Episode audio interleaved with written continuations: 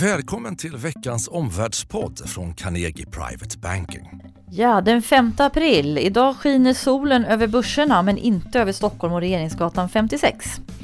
I de här spännande, slagiga tiderna av techfrossa och tulloro så gästas vi idag av vår egen expert på teknisk analys. Många av er där ute har via carnegie.se dialog önskat Jonny Torssell tillbaka i podden igen. Stort tack till er som vill vara med och forma vår podd. Och nu är han den efterlängtade här igen. Välkommen Jonny! Tack snälla! Mm. Du har ju i veckan fått lite mer oroande tekniska signaler för Stockholmsbörsen. Berätta mer!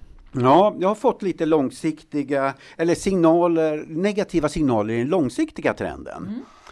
Mm. Eh, så, som vi inte har sett på väldigt länge faktiskt.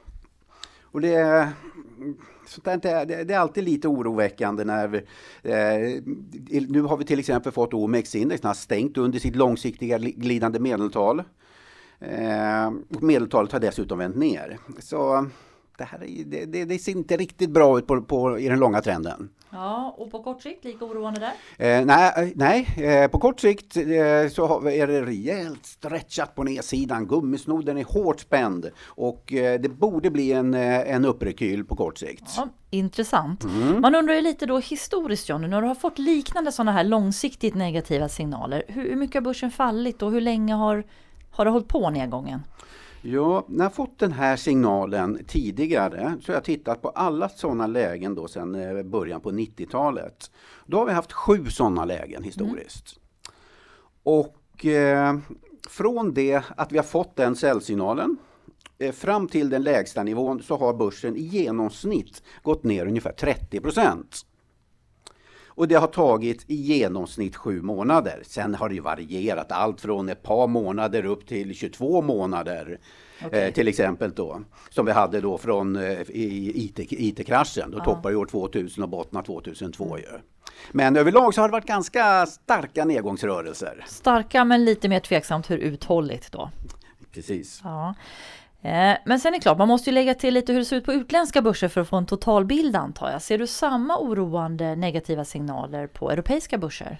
Ja, där har vi fått eh, svaghetssignaler också. Vi har fått det i Eurostox, vi har fått det i DAX-index, vi har fått, fått det i eh, UK, det vill säga FTSE 100. Och FTSE 100 är ju intressant därför det indexet har ju historiskt haft en tendens att leda faktiskt till och med USA-börsen. Mm. I alla fall vid topparna. Ja. Vid de flesta viktiga toppar, vid 87, 90 och, och så vidare, då har den alltid toppat före USA-börsen, vilket är lite intressant. Så även eh, denna gång antar jag, eller? Ja, ja. så även denna gång. Mm.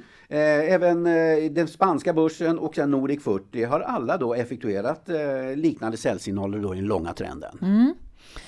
Sen väntar vi alla då på den stora, viktiga, tunga börsen, New York-börsen i USA. Ser det lika dystert ut där tekniskt Johnny, eller skiljer det sig? Nej, det skiljer sig. Eh, den långa trenden i USA pekar ju fortfarande upp. Mm. Där har inte jag fått de negativa signalerna än. Och det, det här, den här bilden blir ju då ganska divergerande. Ja. Det här är ju det här, och det här blir ett problem naturligtvis. För antingen så ska ju då USA vända ner då i linje då med Europa. Mm. Eller så ska då de negativa signalerna i Europa då bli falska och Europa ska vända upp i linje med USA. Mm. Och där just nu står vi i det här lilla dilemmat. Det är egentligen bara tiden som får utvisa och marknadsrörelserna helt enkelt? Ja, precis. Så nu blir det jätteintressant nu att se till exempel den här upprekylen som vi borde få nu på lite kortare sikt, hur stark den blir. Ja. Så där kommer jag hålla ögonen. Hur lång kan upprekylen bli då? Pratar vi en vecka, några veckor? Ja, det kan bli ett, ett par veckor kanske, 5-7 procent eller någonting ja. sånt där. Utan att det stör den långsiktiga bilden då för, mm. för, för Stockholm och Europa. Mm. Och när man pratar långsiktig trend, vad pratar man då i teknisk analys? Eh, då, då brukar vi prata om den trend som rör sig från månader till år. Ja. Jättetack Tony, Johnny. Mycket, mm. mycket spännande. Blandade signaler men lite negativt på lång sikt i Stockholm. Just det. Vi har ju fått många frågor från våra kunder och investerare kring hur man ska agera i det här oroligare börsklimatet. Eh, och vårt råd är att man ska börja med att tänka efter vilken risk du tål. Det vill säga när behöver du pengarna? Det avgör hur mycket du kan placera i risktillgångar som aktier och företagsobligationer. Därefter, sprid riskerna. Det kan inte nog betonas. Diversifiering är nyckeln.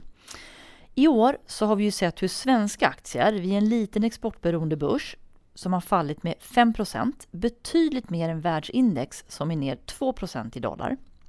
Dessutom har det lönat sig att diversifiera sig till utländska aktier från svenska i år eftersom kronan har försvagats.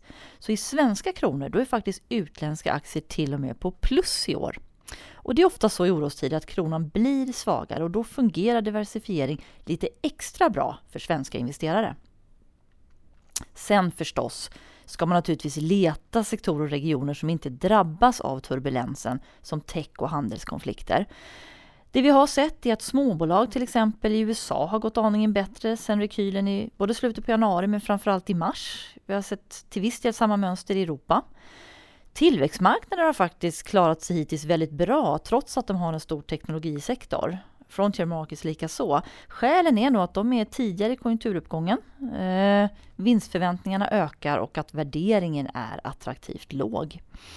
Vi har också sett hur aktiva fonder har klarat sig bra. Det är rätt miljö för aktiv förvaltning. Det har vi sett både i Europa men också i Japan och på tillväxtmarknader. Sen, man kan också med fördel använda hedgeinstrument för att skydda portföljen. Och om man inte vet hur så tala gärna med din rådgivare. På, för på Carnegie så har vi flera idéer. Du kan också gärna läsa om våra sex principer hur du skyddar portföljen på carnegie.se. Slutsatserna idag är alltså Jonny Torssell går från neutral syn på Stockholmsbörsen till negativa utsikter på längre sikt. Men bilden är inte helt entydigt negativ.